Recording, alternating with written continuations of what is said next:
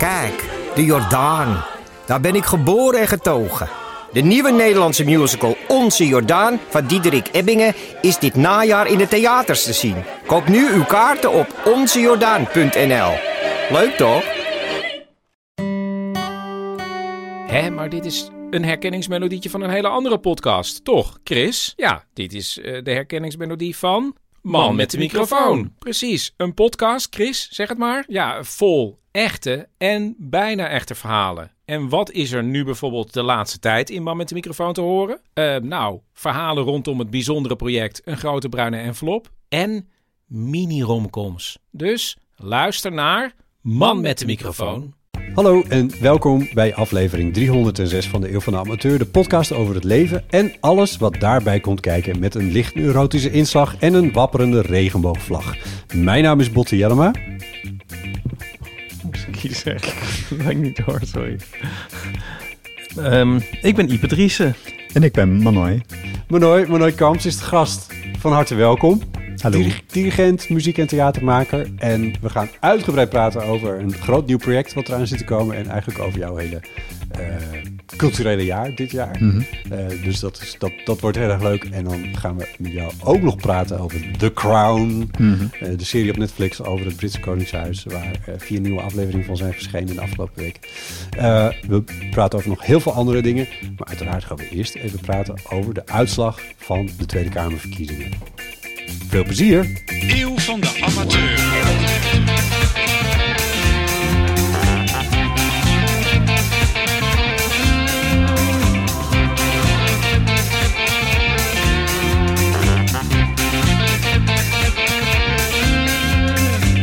Zei je nou net, Ipe, toen wij... Laten we er een optimistische, leuke, gezellige aflevering van maken. ja, ja, Ja, met samengeknepen kaken en vuisten zit je hier dit nu te verkondigen. verbeten, verbeten optimisme. you will enjoy it. Ja. We nemen dit op op eh, donderdagmiddag, donderdag 23 november. Dat is de dag na de verkiezingen. We hebben dus eigenlijk de verkiezingsuitslag vleugheidshalve op basis van partijen hebben we gezien nu, wij weten. Ja, want vorige week zeiden we dat we voor de verkiezingen zouden opnemen. Ja, dat hebben we Maar omgegooid. dat, hebben we niet, dat doen we dus niet. Nee, dat, dus we weten, we weten, We weten het. We are in the know. Ja, precies. Ja. Ehm, Ja, je gaat bijna terugverlangen naar twee dagen geleden toen je het nog niet wist. Ja. Ja. Ja, het is wel. Ik, ik, ik vind het. Ik, vind het ik, was, ik zat echt eventjes in shock op de bank gisteravond toen ik naar de uitslagen keek. Ehm, maar vanochtend werd ik ook wakker met nou, weer een shock, want toen waren er nog twee zetels bij gekomen ten opzichte van de exit polls voor eh, de PVV. Ehm, maar gedurende deze dag bekroop mij ook het gevoel dat we toch ook een, dat ik misschien ook wel een soort plicht heb tot, ehm, nou op zijn minst tot strijdbaarheid. Optimisme gaat wel ver, maar want ik weet echt niet hoe dit verder uit gaat pakken qua coalities die er gesmeed moeten worden. Maar we moeten toch zekere strijdbaarheid wel hebben, vind ik. Gaat wel nou vooraf dat je moet erkennen wat hier nou eigenlijk is gebeurd, hè? En wat is er volgens jou gebeurd?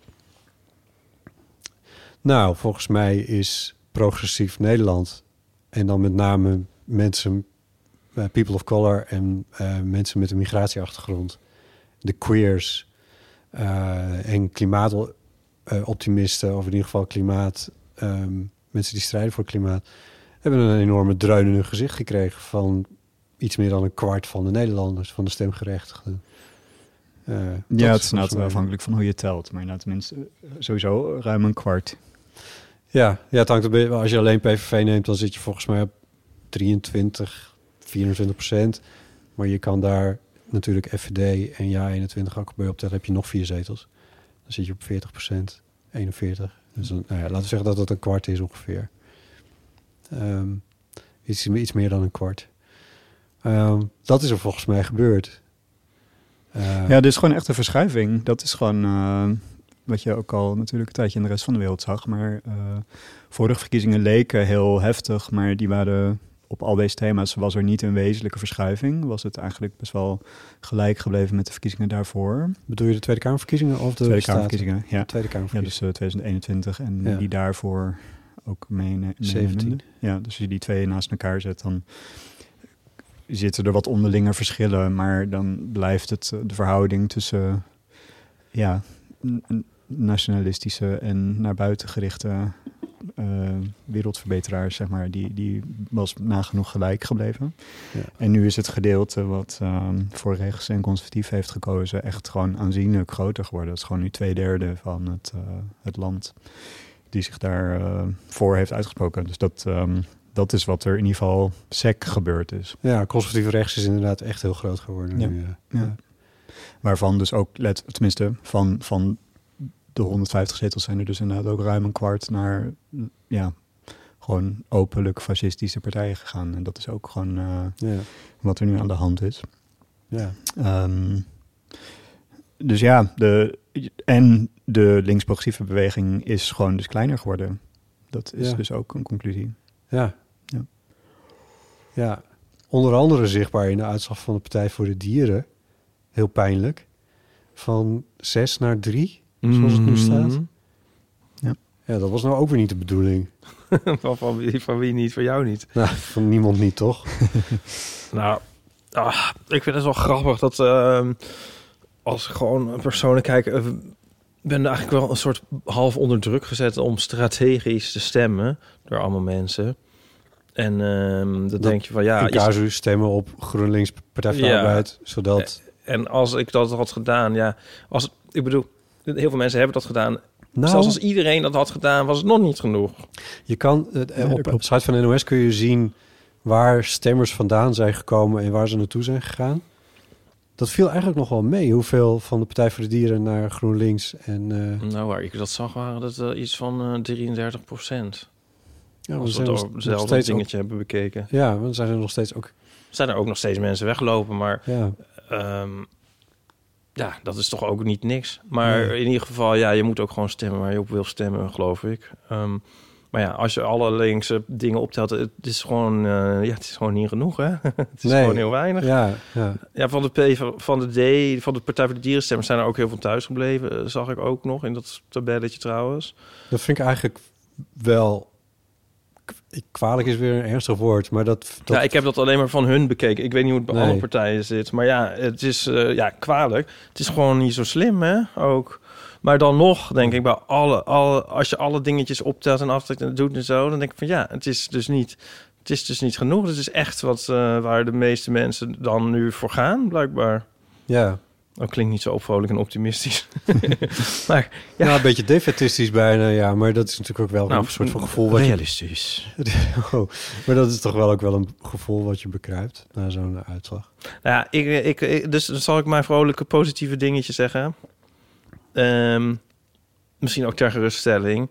Hè, jullie mogen dan daarna wel opschieten, maar je, ehm, ik ben van nature op zich niet, misschien niet zo positief. En eh, ik zie altijd wel beren op de weg. Nou, altijd bavianen achter de berg vandaan, maar toch met- denk ik nu... Altijd dieren overal, zie jij. Nou, laten we nog even kijken hoe heet de soep gegeten wordt. Ja. En wat ik, ik, heb mee? gewoon, ik bedoel, het is wel. Kijk, dus ik heb natuurlijk, ik zie de uitslag. Ik was gisteren even in een soort paniek, zelfs even. En dat verbaasde me eigenlijk of zo. Ik dacht, Hmm. ik, ik, wist, ik dacht wel van, nou, de PVV gaat winnen op basis van de laatste peilingen. Maar dit had, had ik natuurlijk dan ook weer net niet zien aankomen. Ik voelde heel even paniek. En toen een soort, ja. mm, ik weet niet. Waar, was die, waar kwam die paniek? Ja, dat weet ik ook niet precies. Maar toen ging ik dus nadenken. En nu denk ik weer zo van, ja, doe even rustig. Ehm, het kan heel erg, kan echt heel vervelend worden en vreselijk. Maar misschien is het, wordt het ook wel weer zo'n geval van een eh, formatie die lang voor zich uitsleept. Bij de vorige formatie was er ook nog sprake van, nou, misschien moeten we maar opnieuw naar de stembus en zo. En eh, ja, hoe, hoe kort zat die gedoogconstructie destijds en zo. Dus ik denk ook een beetje van, ik kan wel nu huilend in de hoek gaan zitten. Maar ik kan ook het nog even aanzien en denken van, nou ja, Ja. misschien valt het wel mee. Maken ze er een puinhoop van en eh, gaan we weer verder. Nou ja, het, het ziet er niet goed uit, laten we het zo zeggen. Hè, de, de PVV Ja, nee, het ziet er niet goed heeft geen goede track record als het gaat over besturen. Ze hebben inderdaad een keer een gedoogconstructie gehad, dat is meer dan tien jaar geleden. Daar kwamen ze niet heel erg lekker uit. De andere grote partij waarvan het afwachten is wat er precies mee aan de hand is, is Hagelnieuw. Dat is NSC, die aan de rechtse conservatieve kant zit. Ehm, dat zijn allemaal nieuwe mensen, dus dat is ook maar ingewikkeld om daar afspraken mee te maken. Dat, dat was de campagne was al ingewikkeld. En dan heb je de VVD nog als andere eh, rechtsconservatieve partij, die ehm, nog maar een fractie is van wat het was. De fractie is een fractie van wat het was. Eh, die net uit een hele lange regeerperiode komt. Dus die misschien ook wel een paar keer zich de oren zal krabben. Of op zijn minst de huid heel duur zal verkopen. Als ze onder, dare I say, premier Wilders ehm, in een coalitie moeten. Dus wat dat betreft, ja, Nou, inderdaad. Wil- Wilders, ja, waar, wie zei, heb ik dit nou gehoord gisteren op tv? Hebben ze nou maar 45 mensen op hun lijst staan? Ja. Dat klopt. Als je Wilders kan bijna niet eens in de regering gaan zitten. Ze hebben al, iedereen die naar de regering doorschuift, die eh, gaat er af van de lijst. Ze hebben Ja. bijna geen eh, vlees op de potten. Dat is niet noodzakelijkerwijs hoor, want je kan... En dat is, D66 heeft dat ook gedaan. Die heeft ook... Je kunt gewoon mensen aanwijzen. Ja. Dan heb je een soort ah, quasi-zakenkabinet in feite. Ja. Ja, ja, ja, nee, dat Ja. zeg ik. Maar, maar voor je- elk poppetje dat ze in de regering zetten, dan eh, raakt het lijstje leger. Ja, zeker, dat is Ja. zo. Ja. Maar Nou, eh, reken maar dat er nu zich heel veel mensen zullen aanbieden die eh, wel zin hebben. Daarin. Nee, natuurlijk kunnen ze wel ministers van buiten vinden. Ja. Maar ik vind het al wel, ik vind dit ook weer een grappig, grap, dit, nou grappig, ja, het is wel grappig toch eigenlijk ook. Dat Ja. toch, het is een beetje, ja, ik heb heel vaak die vergelijking van een hond die achter een auto aanrent en dan probeert naar de bumper te happen. En dan heeft hij hem vast en ja, wat dan? Ja. Eh, dat is nu ook een beetje eigenlijk. ja. Succes ermee. Nou, ja. Ja, maar dat moet wel even na de erkenning dat, dat, dat er dus heel veel mensen in Nederland zijn die Ja, gestemd nee, dus hebben dat op, zie ik ook wel. op een partij waarvan, Ja. waarbij ik me ook afvraag of ze het verkiezingsprogramma wel echt hebben gezien en wat daar eigenlijk precies in staat. Want Nee. ik heb het wel gezien en ik weet wat erin staat. Ja. En het is echt niet mals. Ik snap ook echt niet waar die, die hele... Er was een hele soort, soort... Hoe heet dat? Dat ging helemaal door, door alle journalistiek heen. Van, oh ja, Wilders is milder. En toen dacht ik, ja, in, in, in woord misschien. Ja. Nou, als je het laatste Maar- debat hebt gezien, hebben jullie dat gezien? Ja, ik heb gezien. Hij, hij, hij is dan gewoon heel kernachtig en haalt inderdaad niet het hele programma erbij. En hij zegt gewoon zoiets van, nou, ik, ik zet de Nederlander weer op één, Ja, wat dat dan ook betekent. En Ja. men, natuurlijk lezen mensen niet het verkiezingsprogramma. En eh, ja, dat eh, werkt blijkbaar. ja, maar ik vind, dat dan dus, ik vind dat dus wel dat de journalistiek daar deels heeft gefaald. Want ik vind het dan wel aan de taak van de journalistiek. Dat hebben journalisten trouwens voor een deel ook gedaan hoor. Die zijn naar Wilders toegestapt en die hebben gezegd... ja, maar in uw programma staat zus en zus Ja. en zo. Nou, dat, in dat debat kun je dat ook zeggen. Ja, Ja, maar ze hebben dat echt bij lange na niet genoeg gedaan. Nee, ik ben dus, ik was gisteren in eerste instantie dus ook ja, niet per se verbaasd, maar wel disgusted dat het dus nog erger uit is gepakt dan we eigenlijk al zagen aankomen. Maar ik was ook wel echt gewoon heel boos, want er zijn gewoon echt heel veel redenen waarom dit niet zozeer voorkomen had kunnen worden, maar we dit gewoon veel beter hadden kunnen aanzien komen. En dat ligt zeker bij de journalistiek, die het deels hebben mede... ehm, die hebben het deels gefaciliteerd dat het gewoon normaler is geworden. Want als je dan dat frame overneemt van dat die milder zou zijn op basis van één uitspraak, dat je het standpunt over de islam verbieden dan eh, misschien wel zou kunnen laten varen. Terwijl je het hele regeer of het, het hele verkiezingsprogramma gewoon niet verder ter sprake brengt. Dat is natuurlijk eigenlijk al een eh, enorme blunder. ja. Ehm, maar ook de campagne van de VVD, die heeft natuurlijk gewoon compleet ehm, zijn kruid verschoten op het moment dat ze eigenlijk eh, het cordon sanitair hebben opge, eh, opgeheven rondom Wilders, waardoor Ja. die eigenlijk gewoon letterlijk weer een optie is geworden. En je ziet ook gewoon in de peilingen, even voor wat die waard zijn, want die zijn natuurlijk ook weer compleet onbetrouwbaar gebleken. Maar dat op het moment dat de, dat, dat cordon opgeheven was, is, is Wilders ook gaan stijgen. Niet in oktober, toen de verkiezingen, eh, de campagne op gang kwam. ja, dit klopt. En dus dat kun je één op één aan elkaar koppelen. Ja, Ehm, en zo zijn er nog wel redenen die. die ehm, ik bedoel, en wat. Ja, enerzijds denk je wel van ja, de PV die heeft niet echt een goede track record als het gaat om besturen. Maar de Kamer is over twee weken gewoon compleet van samenstelling veranderd. Dus ze kunnen nu al superveel wetgeving blokkeren en nieuwe moties indienen die er misschien wel gewoon doorheen komen en die de nieuwe regering moet uitvoeren. En Dat is waar. eh, dus je kunt gewoon heel veel verzieken, ook in een heel korte tijd. Ja. En ehm, Maar voor, voor deze verkiezingen zei iedereen van... nou ja, over een jaar of anderhalf jaar hebben we weer verkiezingen. Dus dan zou ik zeggen, hou dat optimisme vast.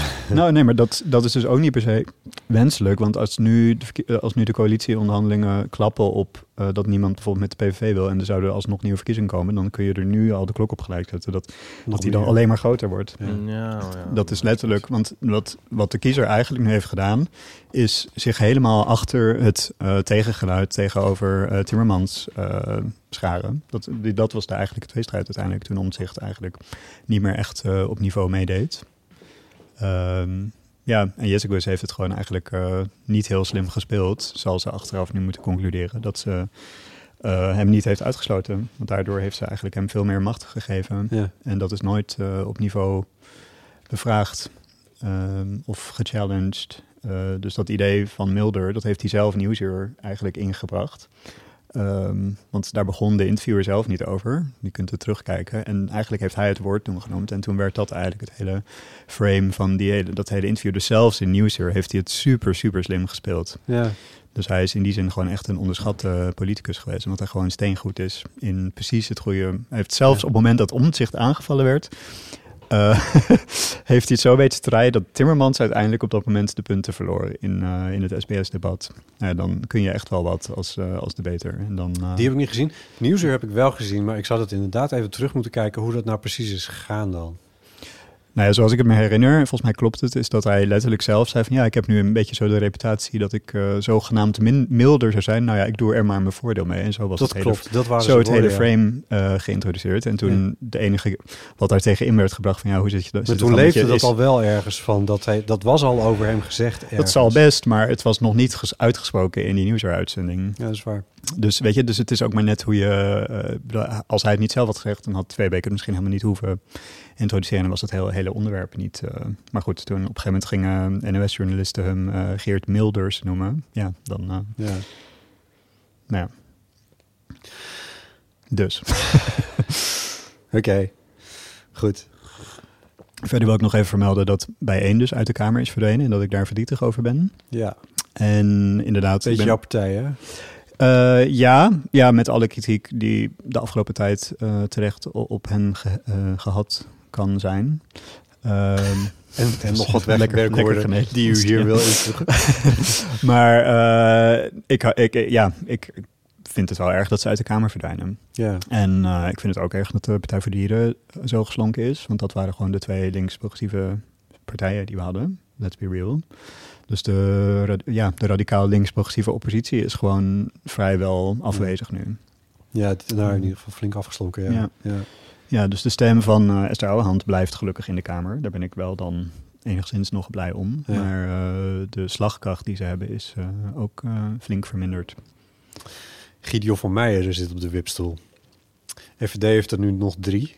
Hm. Gideon van Meijer vind ik een van de meest Walgelijke puntje, puntje, puntje, fascisten. puntje, puntje, puntjes die er bij die partij rondloopt. Eh, en die in de Kamer ook echt verschrikkelijke dingen heeft gezegd. Eh, die daar trouwens ook verschillende keren door de voorzitter op is gepakt. En, Ehm, Ik vind dat wel grappig van ook van mensen die dan zeggen met stemadviezen van oeh nou eh, dus ik- stem daarom op nummer 117 van lijst 838. want, Moet ik nu aan denken. Nou, als je naar individuele gevallen kijkt, dat het allemaal zo tragisch is wie er allemaal niet ingekomen zijn. ja. Ja. Maar je Maar- bedoelt dat mensen willen ze weten ze op mensen stemmen die sowieso nooit kans maakten om in de Kamer te komen. Sorry, wat zeg je nog eens? Bedoel je dat er heel veel mensen zijn die in Nee, maar dit is voor- vooraf is het zo heel hoopvol van. eh, dan kies je een lijst uit en dan daarop nog weer de kandidaat van- die je leuk vindt en zo. Ik heb ook wel eens op Barbara Stok gestemd op de Partij voor de Dierenlijst. Omdat, ja, wie wil er nu niet stemmen op een stripmaker? Maar dan stond zij op plek, weet ik veel, 56 of zo. Ah, ja. Ik snap ook wel dat ze er dan niet in komt. Maar Je kunt toch maar max, nu zijn er zeg maar dan, dan 50 hele partijen niet eens meer in, weet je wel. Ja, Ja, ja. het is een beetje een, eh een We gaan- deconfiture. We gaan de stemmen op bijeen eigenlijk naartoe, weten we dat? Zo werkt het niet. Het, is gewoon, eh, het zijn gewoon restzetels. Dus dat wordt volgens een heel, eh, heel strak georganiseerd algoritme... wordt dat verdeeld over de partijen die nog wel... Je kan, eh, je kan toch een lijstverbinding maken als je... Ja, maar dat, dat, is, dat kan dus niet meer. Sinds volgens, als ik me niet vergis, sinds 2017 is dat afgeschaft. Oh, oké. Dus dat kon al niet meer. En Ja. er zijn natuurlijk al een tijdje geluiden om de kiesdrempel te verhogen. Waardoor Ja. misschien zelfs de SGP eigenlijk niet meer in de Kamer zou zitten. Ehm, maar eh, dat, dat gesprek hebben we nooit eh, echt gevoerd. En ehm, ja, dus de kiesdeler is gewoon het aantal stemmen gedeeld door 150. Ja. Het aantal geldige stemmen die niet blanco zijn, moet ik zeggen. Ehm, en dan, ja, als je dat niet haalt, dan gaan al die stemmen gewoon op een grote hoop. En dan wordt dat volgens een, eh, een algoritme zeg maar, verdeeld over de... Algoritme. Ja, dat geeft nu een beetje een besmette, bete- eh, Ja, besmette een bijklank, maar het betekent letterlijk een rekenmethode. Eh, dus de rekenmethode die eh, gebruikt wordt en gewoon helemaal wettelijk is vastgelegd. Dus Oké. eh, ja. Denken jullie dat die land blijft? Ja, die was daar gisteravond al vrij helder over. Hmm. Maar denk je, ja, dat kan ze zelf wel zijn. Zou dat hou, is dat houdbaar, denk je? Nou, op korte termijn wel. Het is toch eigenlijk allemaal haar schuld? Nee, dat, dat hoor je me niet zeggen. Het, ze heeft er vooral ze heeft er aan meegewerkt, maar het is niet in. Ik bedoel, uiteindelijk heeft Nederland gewoon gestemd op. eh, ja, Het tegen de ook- toekomst. Dat Ook is weer een niet zo dat er bij de VVD nou hele rijen eh klaarstaan om partijleider te worden. Nee, maar ja, zij is zelf ook niet al te eh, best. Maar ja, het Nou, is toch wel een dubbel wel whammy mee, geweest. Eerst, eerst, dat heeft ze, eerst heeft ze dus zeg maar die deur opengezet. Toen heeft ze nog het laatste zetje gegeven van... eh, oh, ik ga niet onder premier Wilders. Dat was helemaal de icing on the cake. Ja, dat is waar. Nou, maar dat En was, dat was ook een resultaat. last minute strategische Ja, maar een heel poging. om- strategische poging. Ja. Maar dat, dat, en ze heeft een heel slecht resultaat. Eh, Dus ik denk... Maar ik denk dat dat, dat, dat, dat niet eh, Ja. Eh eh Lilian Marijnis die heeft al zeven keer een slecht resultaat gehad. Ja, maar zij moet eigenlijk ook weg. Eh, Ik vind haar minder erg dan Jessicus, maar er- die, die tijd is ook wel een Ik beetje... vind het gek, want ik vond haar in het laatste debat... Marijnis Dat was, vond ik haar heel, heel beter laatste- Ja. Heel goed. Ik, Ja. eh, ik dacht, ik vind dat echt onverdiend eigenlijk. Ja. Als ik gewoon op basis Ja. van dat debat kijk, denk ik van waar, waarom... Ja, Ja, waar waarom- blijft zij dan? krijgt Ja, hoe kan meer- dat? Ja, Ja. ja. waarom krijgt ze niet meer stemmen bij de SP? Maar ik vind dat met Jesse ook helemaal niet... Vind, dat dat ook echt helemaal niet lekker gaan in die debatten. Nou de- ja, en die posters en alles. Maar ja. Nou ja, ja, ik weet niet. Ze stond er vooral heel eigenwijs te zijn op een of andere manier. Mag ik dat zeggen? ja. Het statement aan de NOS na de uitslag was ook bizar. Heb je dat gezien? Aan de NOS of aan Ja. de kiezers? Nou ja, voor de camera van de NOS. Oh, nee, dat heb ik volgens mij niet gezien. Ja, ik zou het eigenlijk op, op moeten zoeken. Het komt erop neer van, eigenlijk begrijpt ze het wel dat iedereen naar de PVV...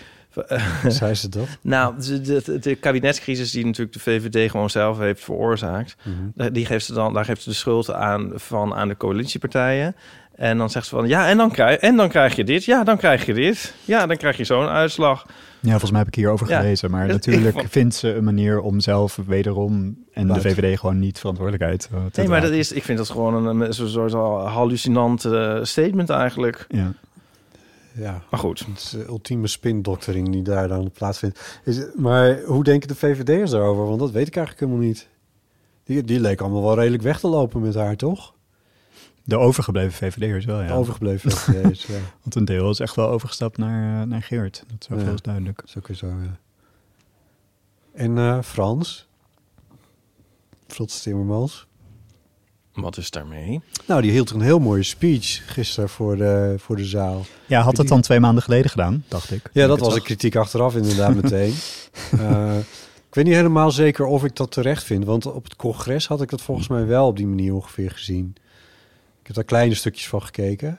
Een congres van eh, PvdA GroenLinks. Hm, En daar vond ik hem toch wel redelijk vurig. vanuit, ja, vanuit redelijke hartstocht spreken inderdaad. Ja. Maar ja, gisteren was hij wel echt geëmotioneerd. En dat klopt wel. Dat hebben we in de campagne misschien nog niet zozeer gezien. Ja, maar het gaat me niet alleen maar om emotie, want je kunt ook ehm, emotie soort van manipulatief inzetten of zo. Dus daar gaat het me niet eens om. Maar het gaat me meer om dat.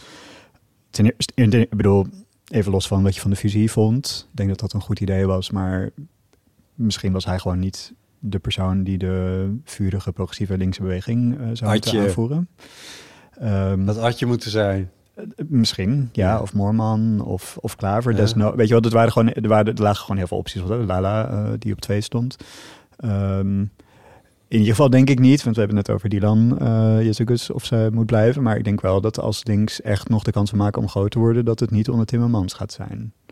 Uh, al moet hij nu wel gewoon eerst even goed oppositie gaan voeren. Ja. Um, Het mij gisteren de gedachte, ik ben wel benieuwd wat jullie ervan vinden, dat het, dat, dat, waar kwam het, dat kwam door die scholierenverkiezingen die de, en die uitslag die daarvoor is geweest. uitslag, ja. Die heb, je, heb jij die gezien, Iep? Ja. Dat was ook heel rechts. Ja.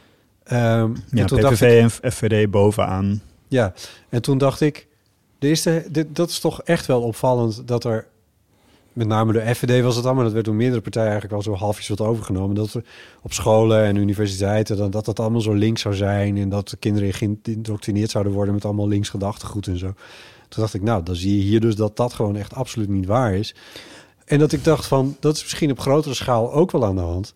Dat links zo ongelooflijk is aangevallen. Dat mensen in de afgelopen jaren, onterecht, dat mensen eigenlijk niet eens meer weten wat links is in Nederland. Dat nee, gewoon een onduidelijk een catch-all term voor alles wat niet, uh, wat niet deugt. Nationalistisch en constructief ja. is, inderdaad. Uh, nee, en waar kennen we dat van? En, uh, nou, speak your mind. oh, nou ja, goed. Er, zijn meer mensen die uh, legaal aan de macht zijn gekomen en uiteindelijk toch wel uh, flink. Uh, ja, maar dat is toch, dat is toch opvallend? Dat, of, Ipe, wat vind jij er nog van? Ik bedoel, is dat nou een observatie ja, van mij? overigens over, over Hitler voor de niet. duidelijkheid. Onder scholieren heb ik het ook gezien. En daarvoor heb ik de, de verklaring die ik daarvoor heb gehoord... is dat uh, vooral de FVD heel erg actief is op TikTok.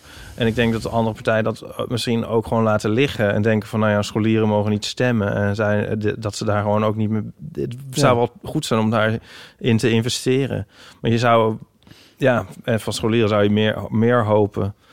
Ja, ja, ik zie wel jonge mensen. Ja, ik snap niet dat er niet dat een, een, een, een uh, milieuvriendelijke partij, hoe zeggen dat, dus een klimaatpartij, ja. dat Ja. die geen jongeren. Ik zou wakker liggen als ik, als ik, joh, ik bedoel, ik lig nu al wakker. Als ik met elk jaar dat ik jonger zou zijn, zou ik meer wakker liggen. Als ik weer een, weer een kwartier langer wakker liggen. Ingewikkelde rekensom, maar ja, oké. Snap je? ja. Ja, eh, dus eh, ja, ik, ja, dat, ja, daar ligt wel eh, een soort, soort taakje nog eh, open voor, voor Maar zijn Links, linkse partijen, en misschien dan eh, nu Frans Timmermans als, als hoofd van linkspartij, dan even zo gezegd, eh, is, zijn die dan gewoon echt niet goed genoeg geweest in het uitleggen van wat links nou eigenlijk is en waar het voor, voor staat? En ja, want op TikTok, dat zou dan een idee kunnen zijn om daar. Ja, hoewel daar, daar heb ik toevallig een podcast, ik geloof, ik meen van de Volkskrant of anders NRC over gehoord, over waarom sommige partijen wel en sommige niet op TikTok zitten, omdat er natuurlijk ook heel veel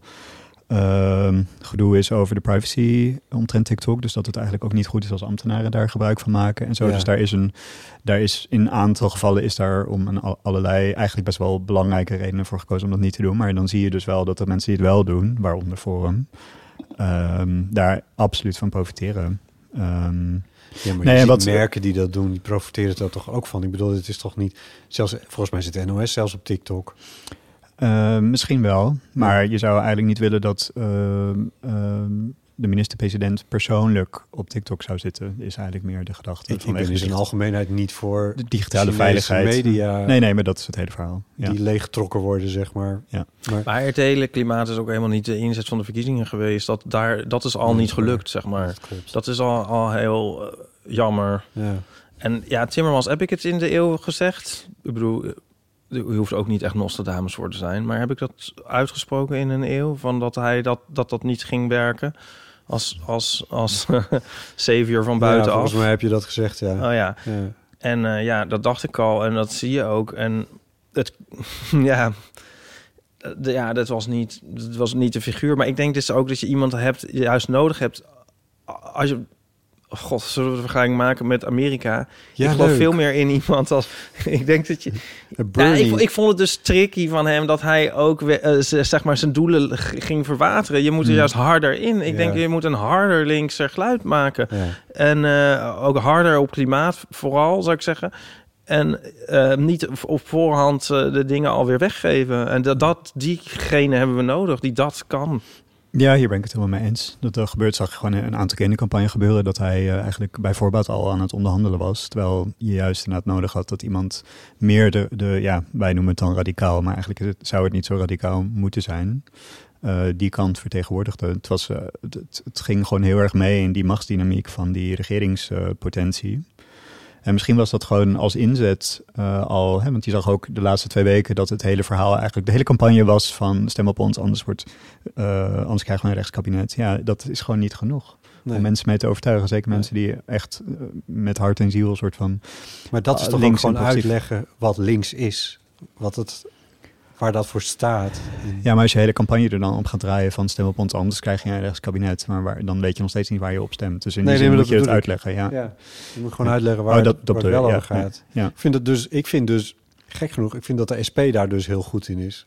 Gewoon in, in Ja, maar concreet... die zijn op, de, op het culturele punt eh, super Nee. conservatief. Zij zijn, ze- dit is een, het is een links-conservatieve partij, Ja. als je het op de keper beschouwt. Dus dat, die, ik zeg niet dat ik daar per se voor ben, maar ik vind wel dat ze goed zijn in het uitleggen van, hey, we staan voor de collectieve Absoluut, zaak. ja. We willen Nee, dat maar eigenlijk mis je, worden. je mist een, je mist een, een eh, hartstochtelijk links-progressieve partij die toegankelijk, ik wil niet zeggen populistisch, want dat is ook weer een heel specifiek politiek ding, maar echt toegankelijk de massa kan aanspreken.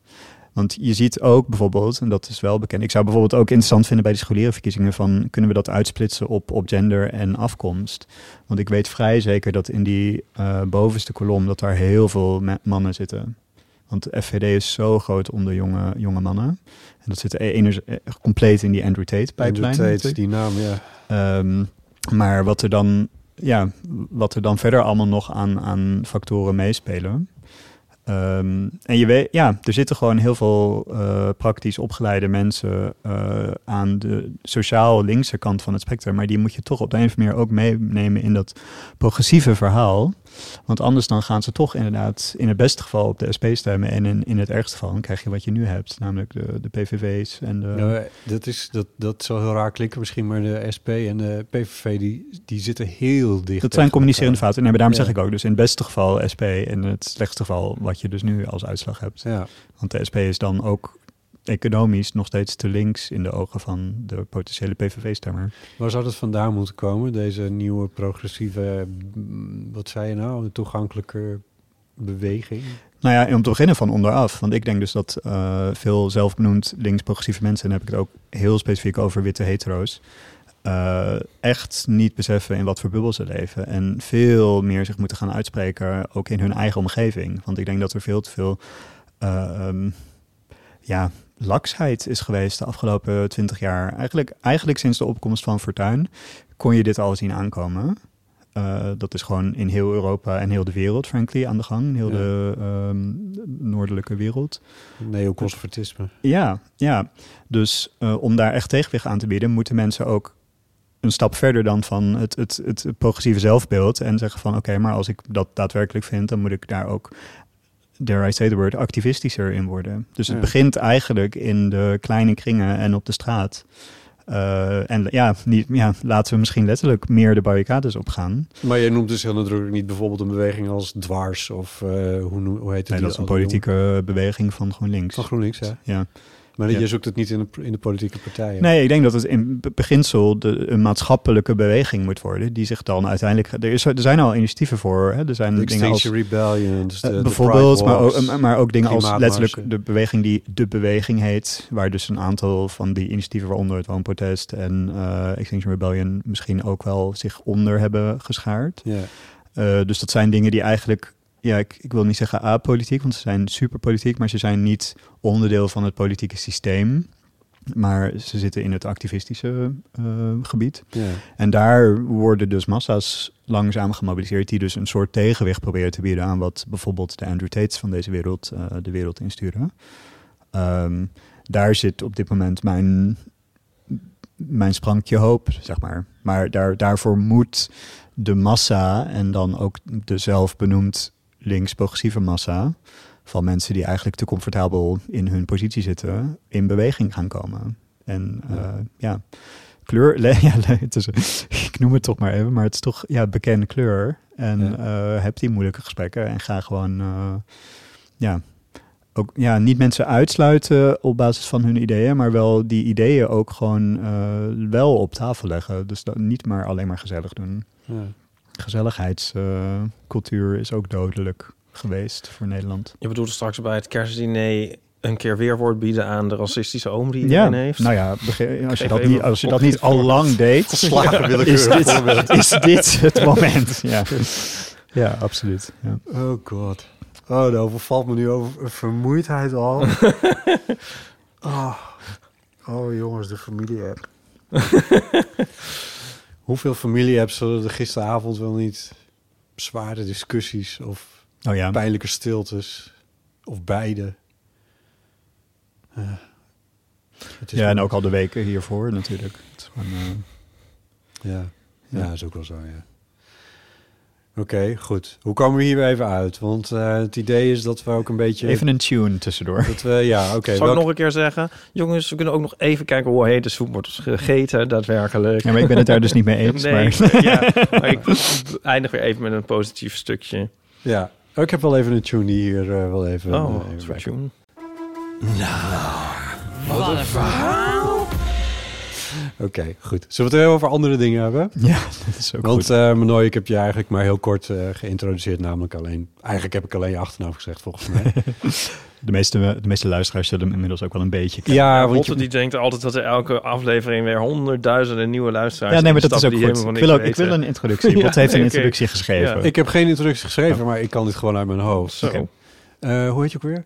Nee, ik bedoel, eh, je was er ook al met de, de, de, de, hoe zal ik hem noemen? De queer aflevering, in ieder geval die we in het kader van de Pride hebben gemaakt. De grote In- groepsknuffel grote aflevering. In, in, augustus of in eh, juli was dat vorig jaar of afgelopen jaar.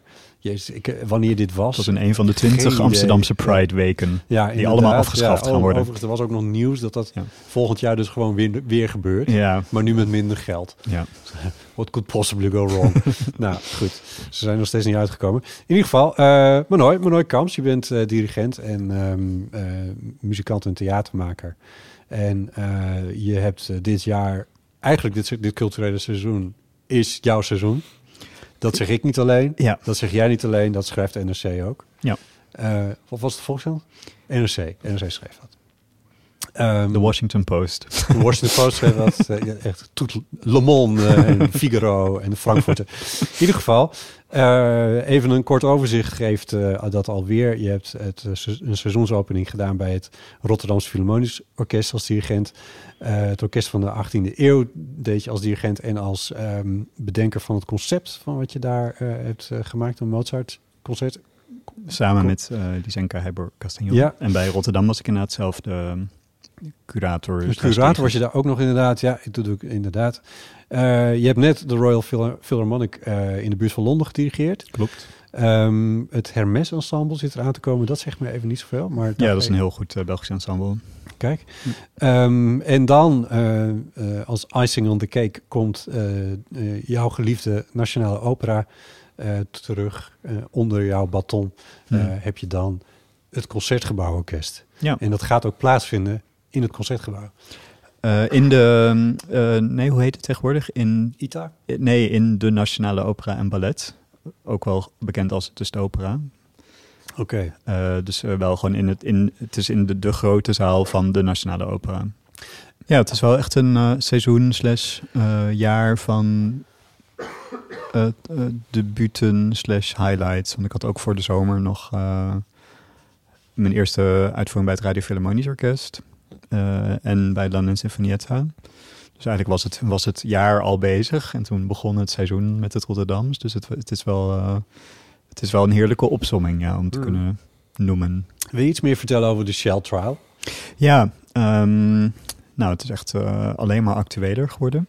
Ja, het gaat is, spelen in, in maart, hè? dus dat duurt nog even. Ja, de première daarvan is in maart. Ja. Um, en het is een nieuwe opera op basis van een toneelstuk wat in 2020 in première is gegaan van Anouk Nuyens en Rebecca de Wit, wat toen al meteen een hit is geworden. En dat heette De Zaak Shell. En dat was naar aanleiding van uh, een zaak die onder andere door Milieudefensie is aangespannen tegen Shell, omdat ze uh, basically uh, de mensenrechten schonden door het klimaatakkoord niet te halen. Ja. Met hoe ze bezig waren. En, dat, eh, en die rechtszaak is ook door heel veel burgers ondersteund. Ehm, en die hebben ze in eerste instantie ook gewonnen. En die is nu, as we speak, in hoger beroep. En we verwachten Shell eigenlijk... heeft verloren voor de volledigheid. Ja, dus Shell heeft verloren. Dus die zijn dus schuldig bevonden aan het eh, schenden van het klimaatakkoord. Ja. En daarmee het, het, ja, het schaden van mensenrechten. Ehm, is een hoger beroep. En we verwachten dat de uitspraak in dat hoger beroep ook min of meer samen gaat vallen met de première. Dus in die zin eh, is dat eh, een spannende ondertoon. En ehm, voor degenen die het toneelstuk niet hebben gezien, dat is dus tijdens COVID in première gegaan. Maar eigenlijk wat er gebeurd is, is dat het eh, een soort ge- geabstraheerde rechtszaak is, waarin ehm, niet de rechtszaak zelf tegen Shell wordt nagespeeld, maar waarin allerlei partijen in het klimaatverhaal ehm, het woord tot het publiek richten. En daarvoor en daarna komen de schrijvers aan het woord van het toneelstuk. Die het eh, eigenlijk duiden in de zin dat eh, we al heel lang weten dat Shell, Royal Dutch Shell, heeft eh, echt al decennia een scenario-departement waarin ze eh, letterlijk scenario's uitwerken van hoe het met de wereld zou kunnen Ja. gaan in de toekomst en hoe zij Zo daar vroeg dan... als 1973 of zo toch? ja, echt dat- letterlijk eh, voordat ik en wij geboren waren. Club van Rome zette dat een beetje in gang in het proces, dat zelf gaan onderzoeken. En, Precies, ja. ja. Dus ze hebben gewoon mensen in dienst die scenario's uitrekenen, door, doorwerken en ja, bedenken hoe zij als Shell daar dus dan op gaan inspelen, dat wel, dan wel dat eh, beïnvloeden. Ehm, en omdat dat zo één op één voelt als het is, letterlijk, het is letterlijk theater, want ze weten donders goed dat ze klim- kli- klimaatschade aanbrengen. Dat wist, daarom hebben ze die hele scenario-afdeling opgericht. Eh, van hoe kunnen we dit Om zelf theater te maken. om zelf theater Ah, te ja. kunnen maken om dat verhaal heen. Ja. Ehm, en ehm, toen hebben, dus be- hebben de schrijvers van dit toneelstuk bedacht van we gaan een toneelstuk maken waarin we eh, de werkelijkheid gaan repeteren. Alsof we het scenario-departement van Shell zijn. En dan krijg je dus eh, een monoloog van de CEO van Shell en een monoloog van iemand die de regering vertegenwoordigt en een monoloog van iemand die de consument vertegenwoordigt. Ehm, en je krijgt de bezorgde burger en je krijgt de activist. Dus het zijn eigenlijk allemaal archetypische eh, ja, personages in dat hele klimaatverhaal. En uiteindelijk wat er dus gebeurt is dat het, de, het verantwoordelijkheidsvraagstuk gaat het om. En wat er dus eigenlijk gezegd wordt helemaal aan het begin... is dat de klimaatcrisis eigenlijk een crisis van verbeelding is. Dus we kunnen eigenlijk niet ertoe komen... ehm, het is, eh, nee, ze, ze zeggen het is een crisis van verbeelding en het is een crisis van verantwoordelijkheid. Ja. Eh, dus de verantwoordelijkheid wordt continu doorgespeeld. Want eh, bijvoorbeeld Shell zegt van ja, ik moet het doen van mijn aandeelhouders. Ja, en de aandeelhouders, dat zijn jullie. Ja. Dus jullie willen dit. Ja. Eh, ik doe alleen maar wat jullie willen, want anders dan straffen jullie ons daarop af. En zo wordt de bal doorgespeeld. En dat gaat maar door. En eigenlijk, het blijft een soort van circulair. Dus daar komen we dan met z'n allen niet uit. Ehm, en de crisis van verbeelding is natuurlijk dat je dus eigenlijk een manier moet vinden om uit die cyclus te stappen. En dat is dan waar de kunstenaar eigenlijk zijn intrede doet. Ehm, en de operaversie die, wordt dus, die wij dus aan het maken zijn met een enorm team. Met een componist Ellen Reed uit de VS en een librettist Roxy Perkins die ook uit de VS komt. Ze hebben al eerder samen een opera geschreven. En een team hier in Nederland uh, bestaand uit onder andere Het Geluid Maastricht met Gabel en Romy Roelofsen die dat uh, opgericht hebben en runnen. En wij hebben ook al vaker samengewerkt. Ja. En nog allerlei andere mensen in het team die ik nu even niet ga noemen. Maar het is een... Um, het is dus niet dat we als wij het toneelstuk op muziek gaan zetten. Dan kun je net goed naar het toneelstuk gaan. Ja. Maar het toneelstuk is eigenlijk uh, doorgewerkt tot iets wat een opera kan worden. En daar zijn dus ook best wel veel perspectieven aan toegevoegd. Dus er is letterlijk een perspectief van de kunstenaar aan toegevoegd.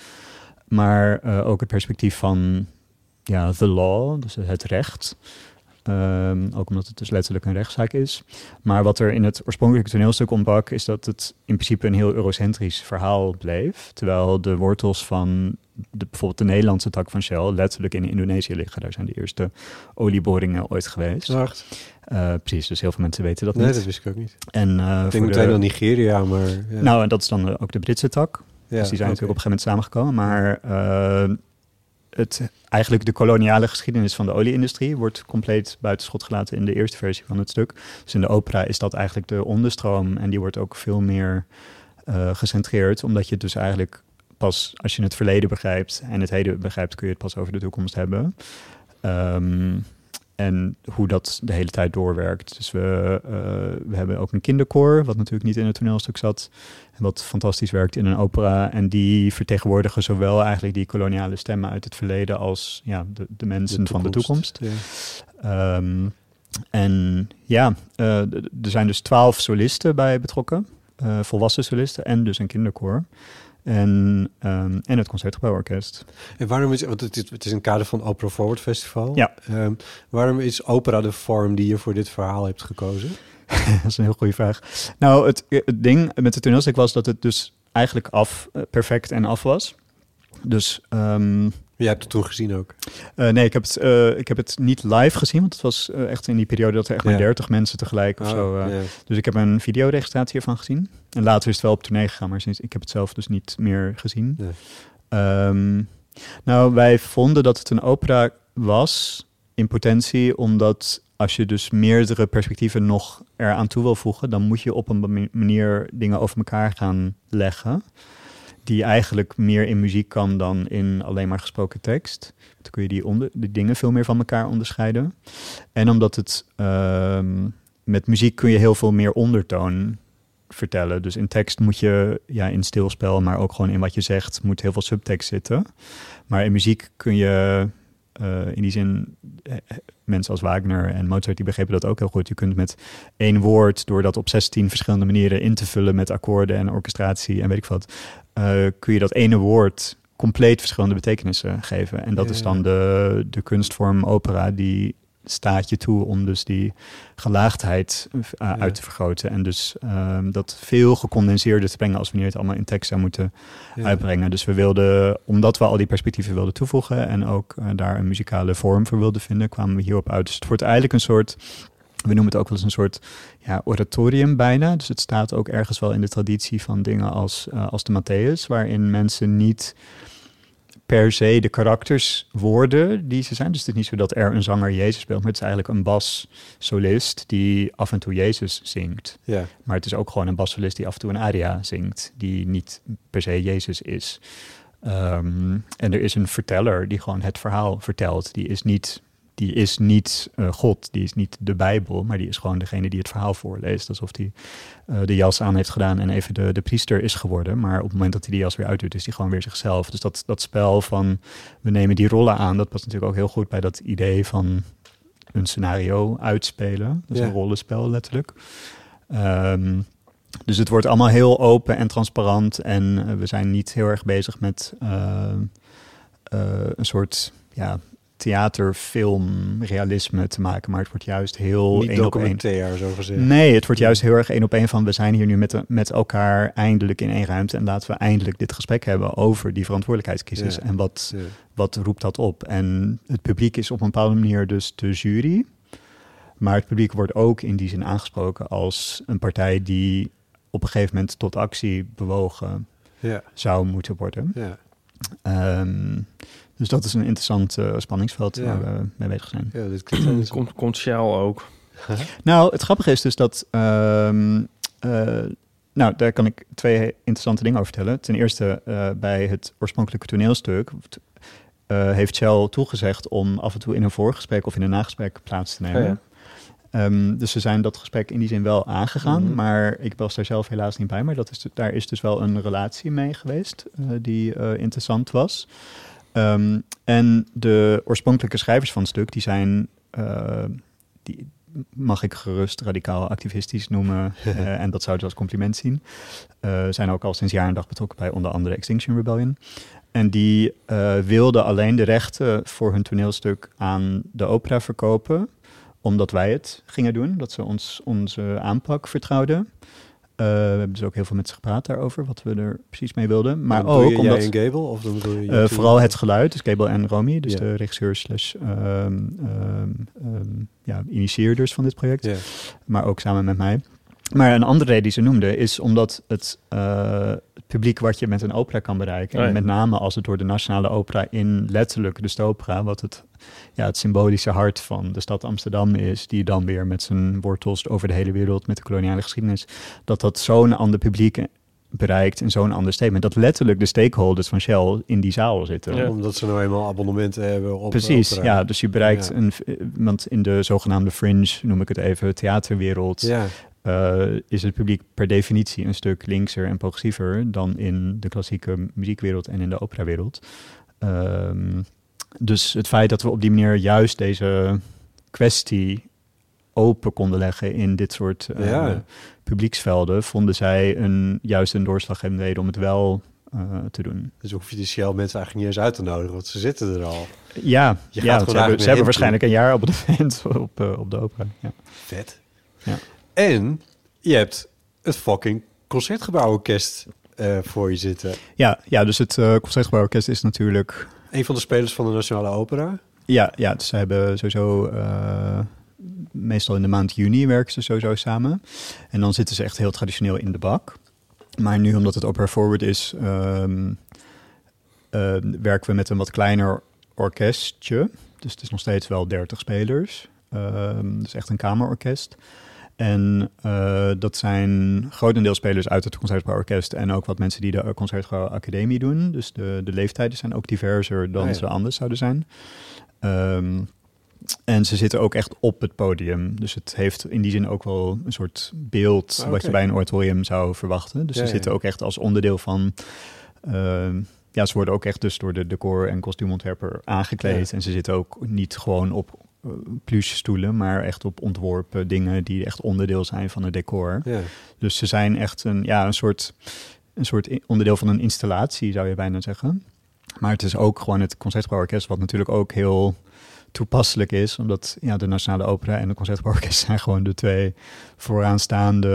eh, De hoge kant er eigenlijk niet ja, de vooraans- vooraanstaande muziekinstituten in dit Ja. land. eh, wat dus ook weer een één-op-één relatie heeft met het, ja, het begrip ja, macht en, Ja. en invloed. En dat, daar gaat dit stuk over. Dus het feit dat zij dit samen doen is gewoon heel... eh, dat klopt heel erg. En hoe is het voor jou?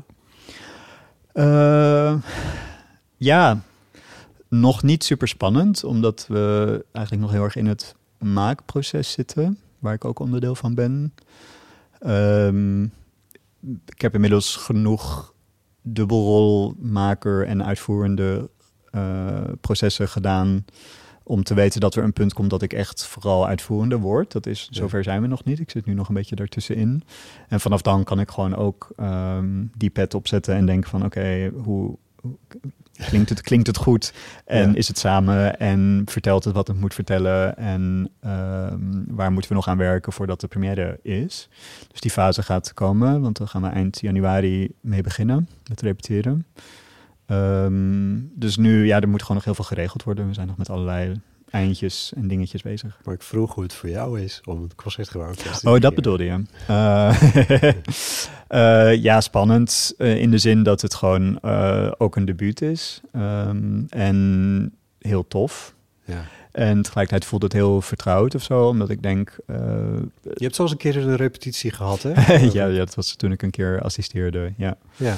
Ehm, ja, ik heb ze natuurlijk al zo vaak gezien. Het is, het is, het is Je, voor kent, mij... je kent de klank en... Ja, precies. En ze zijn in die zin out of their comfort zone, omdat ze dus een stuk spelen wat nog niet eerder gespeeld is en niet in hun eigen Vonk. in hun eigen zaal, Ja. waar ze zo eh, at home zijn, letterlijk. Ehm, dus ik heb gewoon heel veel vertrouwen dat ik daar heel goed doorheen ga kunnen loodsen. Dus ik, heb- ik heb er wel zin in eigenlijk, Ja. juist in dat stuk van het proces. En het is natuurlijk heerlijk om dat eh, op mijn cv te kunnen zetten natuurlijk, ja. Absoluut. Ja. Ja. Mooi.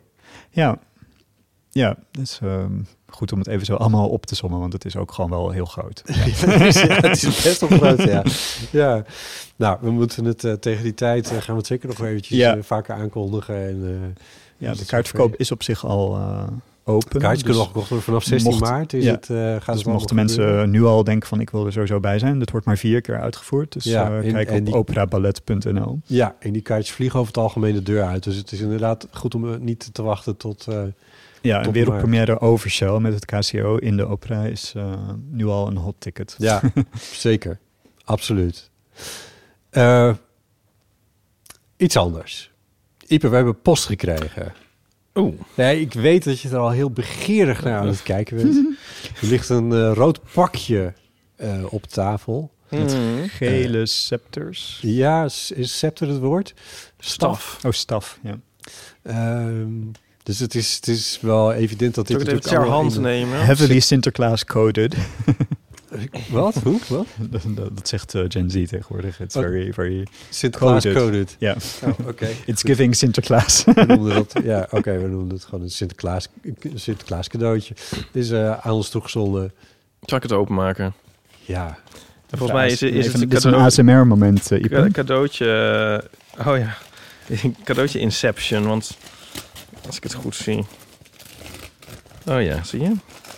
Want er zitten er weer heel cadeautjes in het cadeautje. samengestelde toestand is het. Er zit ook een envelop in. Oké, Zal ik eventjes dit gaan voordragen? doe dat dus. Beste podcasters.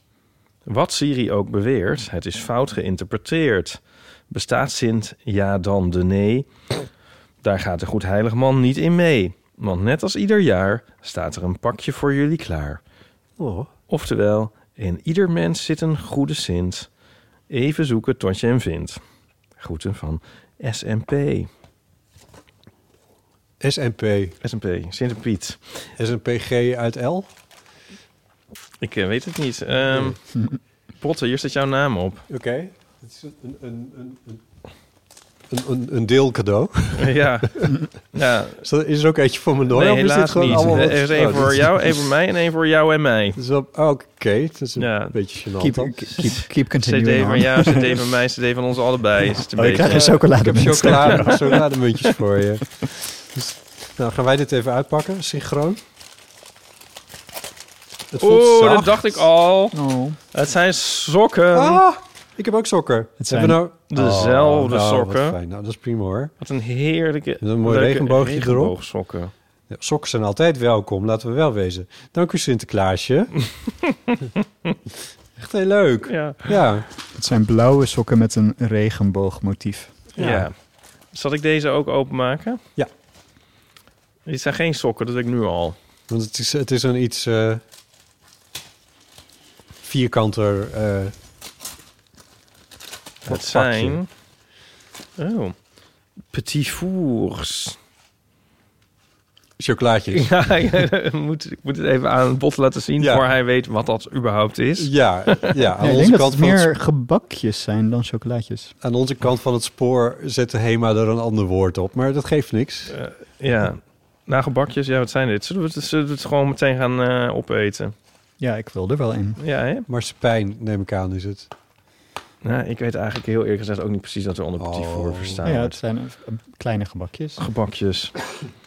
Ehm Nou, wat lekker, wat gezellig. kan wel even naar in de, nou, oh ja, wel even in- bij de ingrediënten kijken. Amandelen staat er heel prominent, dus het zal misschien wel iets marsepijnig zijn. Oh ja. Nou, maar nooit. Kies een leuke uit. Er was ook nog een, eh, Nee, die wilde ik. Een berichtje als jullie de koptelefoon zo meteen Wil je er ook eentje wat? eh, straks wil ik nog even praten. ja? Oh. Maar ehm, Eh, bedankt Sinterklaas, wat ontzettend lief.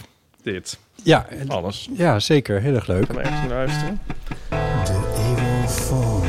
06 1990 68 71. Hoi, dit is Marit hier. Ik reageer even op wat jullie zeiden in de laatste aflevering over Sinterklaas.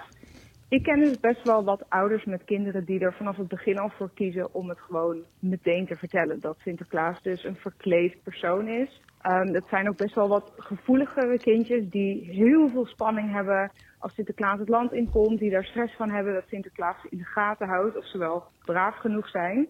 En daarom hebben zij ervoor gekozen om het gewoon ja, vrij vroeg al te vertellen. En ook aan de kindjes uit te leggen dat andere kinderen dat nog niet weten. Dat ouders andere keuzes maken. En dat ze dat dus niet door moeten vertellen. En dat gaat eigenlijk heel goed. En die kinderen vinden Sinterklaas nog steeds net zo leuk. Alleen dan hebben ze gewoon wat minder spanning en stress rondom Sinterklaas. Dus het komt volgens mij tegenwoordig best wel heel veel voor. Anyway, ik luister elke week. Superleuke podcast. Ga natuurlijk zo door. En heel veel plezier met de volgende aflevering. Doeg! Dankjewel, Marit. Eh, nou, dat wisten wij dan weer niet. Dus dat dat ook gewoon gebeurt. Nee. Een soort Ja, we hadden- Sint-anxiety. Ja, Anxiety. Wat goeie. Ja, ik, ik herken me daar ergens wel in. Ik had die ook, hoor. Vroeger. Ja? Ja. Bang voor Zwarte Pieten en zo. Nou ja, en voor dat, Sinterklaas. dat had waarschijnlijk een andere reden. In Friesland. Eh, nou, ja. Let's not go there. Nee. Nee, maar ook gewoon voor Sinterklaas. Van, eh, als een soort um, alziende... eh, hè? Toch eigenlijk ook een beetje een soort... godachtige persoon. Ja, die, ja, die alles weet en ziet en zo. Ja, ja, op ja. net en Ja. zo. Ja, Ik vind Sinterklaas ook hadden wij er twee van. Ja. Ehm, Ja, maar het is dat... super manipulatief natuurlijk. Dat je echt zo tegen je kind kan zeggen... van, nou, als je vandaag je, je broccoli niet eet... Dan, eh, ja, dan krijg je misschien geen cadeautjes van de Ja. Sint. Ja. Maar En als je dan je broccoli niet had, dan kreeg je ook daadwerkelijk niet. Dus zeg maar, de link kon ook heel snel, snel gemaakt worden. ja. voeden is natuurlijk ook manipuleren. Maar, nou, ik, ik had er gisteren nog over met mijn zussen. En ehm, wat Zijn ik die ouders inmiddels? Hm? Zijn die allebei ouders? Of? Ja. Hm. Maar ik, ik wierp vorige keer dan die vraag op. En, eh, en ehm, het is grappig nu dat je dat zegt van... Of ook de, de, de eh, Marit. Ja. en, eh, en jij nu Society zegt. Want dat was ik eigenlijk zelf weer een beetje vergeten. Want wat ik dan vorige keer er niet bij had gezegd... was dat ik zelf eigenlijk wel genoot van de Sinterklaastijd. Het is echt heel leuk en exciting vond. Maar nu jij dit noemt, denk ik weer van... oh ja, maar volgens mij daaraan vooraf ging nog... dat ik het ook echt heel eng vond eigenlijk. En dan op een gegeven moment slaat dat dan om in van... oh ja, het is leuk. Dus Ja, ik weet het- allebei die dingen nog. Ja. Dat, Ja. Maar dat, dat, dat het leuke dan eigenlijk meer een opluchting is van het is niet erg... dan dat het per se echt op de, op de Ja, ik vind leuk is. sowieso mis ik uit mijn kindertijd nu wel soms dat ik dingen zo ehm, niet mysterieus vind, weet je wel. Dat vond ik vorige keer ook interessant aan de herontdekking van de mierenegel. Van ja, ik vind het wel leuk als er iets spannend. Ik vind het ook spannend als er eh, ergens wordt gezegd van het spook daar of zo. En dat is een soort betovering uit je kindertijd die later weg is en zo. En ik, ik vond dat wel echt actief leuk Hm. om daarin te zitten. Ja. Ik zou dat best wel weer willen hebben of zo. Ik had dat, dat op zich niet willen missen, denk ik. Kerken zijn elke zondag open. Nee, maar, ja. Want zie je daarin ook een link met je fascinatie voor horrorfilms? ja, zeker. Ja. Ik vind ook een bepaald soort horrorfilm het leukst eigenlijk een beetje occult, waarbij het al in nog heel grotendeels in de realiteit gegrond is, maar waar Mm. net een randje aan zit wat we in het echt de Blair Witch. waarschijnlijk niet hebben. Ja, ook ja. Ehm, nee, dus ik, ik voel er op zich allemaal wel wat voor. Maar, ehm, nou ja, ik ben nou eigenlijk de draad van mijn eigen verhaaltje kwijt. Je wil Je kan je graag ook weer ergens in geloven, zeg je eigenlijk. nee. Je kan ook naar de vergadering, jaarvergaderingen van, wat de- ik- ik van, weet- van nou, Shell gaan. Dat ik is weet ook weer heel wat ik erbij wou zeggen. En Dat ik, mystiek. ik kan me dus... Ja, dat schijn, ja, ik kan me dus niet zo goed herinneren van... Volgens mij waren mijn tweelingzus en ik de laatste in de klas... die nog in Sinterklaas geloofde of zo. Oh, echt? Beetje gênant. Ja, ik heb daar geen... Ik heb daar wel herinneringen aan, maar die kunnen niet kloppen. Hmm. Want ik heb het gevoel dat het ons altijd op een heel warme zomerdag verteld werd dat het niet zo was. Wat me raar lijkt.